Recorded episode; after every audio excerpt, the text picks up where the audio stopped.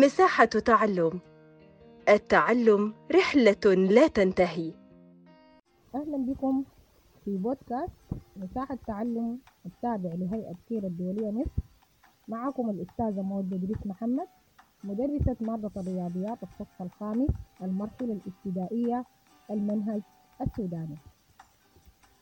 نحن حنستمر في الوحدة الثانية من كتاب الرياضيات الصف الخامس اللي بتتحدث عن مجموعة الأعداد الطبيعية والعمليات عليها.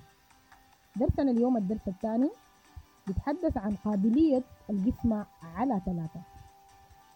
خلونا كده شوية مع بعض نرجع نستذكر دروسنا القديمة واللي عرفنا فيها قابلية الجسم على اثنين وخمسة وعشرة.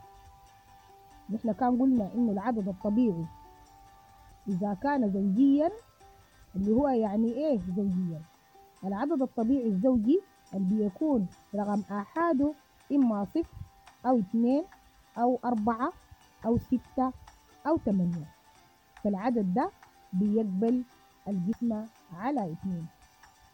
بمعنى إذا سئلنا متى يقبل العدد الجسم على اثنين؟ بنقول يقبل العدد الجسم على اثنين إذا كان زوجيا. زوجيا بمعنى رقم آحادي إما صفر أو اثنين أو أربعة أو ستة أو ثمانية. أما العدد اللي بيكون رقم آحاده إما صفر أو خمسة فده بيقبل الجسم على خمسة. إذا سئلنا متى يقبل العدد الجسم على خمسة بنقول إذا كان رقم آحاده صفرا أو خمسة. وأما العدد اللي بيكون رقم آحاده صفرا فده بيقبل الجسم على عشرة. كذلك إذا سئلنا متى يقبل العدد الجسم على عشرة؟ بنقول إذا كان رقم آحاده صفرا. ده اللي عرفناه في الدروس السابقة اللي كانت بتتحدث عن قابلية الجسم على اثنين أو خمسة أو عشرة. يقبل العدد الجسم على اثنين إذا كان زوجيا. يقبل العدد الجسم على خمسة إذا كان رقم آحاده صفرا أو خمسة ويقبل العدد الجسم على عشرة إذا كان رقم آحاده صفرا. في درس اليوم هنتحدث عن قابلية الجسم على ثلاثة اللي هو إذا سئلنا متى يقبل العدد الجسم على ثلاثة فنحن عندنا طريقة بنجريها عشان نعرف العدد ده بيقبل الجسم على ثلاثة أم لا. اللي هو بنشوف مجموع أرقام العدد. مجموع أرقام العدد. بمعنى نجمع أرقام العدد إذا كان مكون من آحاد وعشرات. نجمع الآحاد والعشرات وبنشوف الناتج.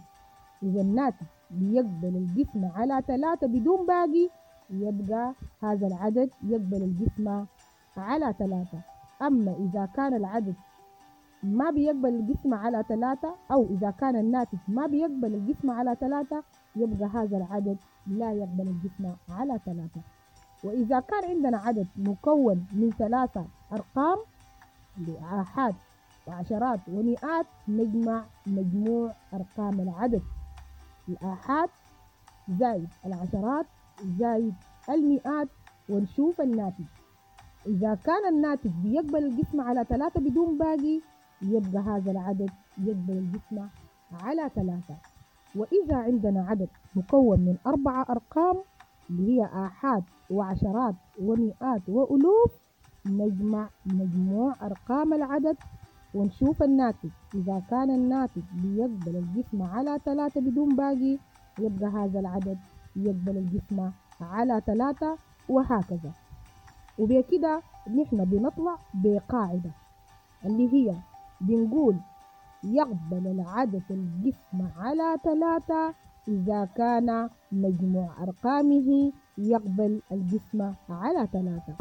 القاعدة بتقول يقبل العدد الجسم على ثلاثة. إذا كان مجموع أرقامه يقبل الجسم على ثلاثة.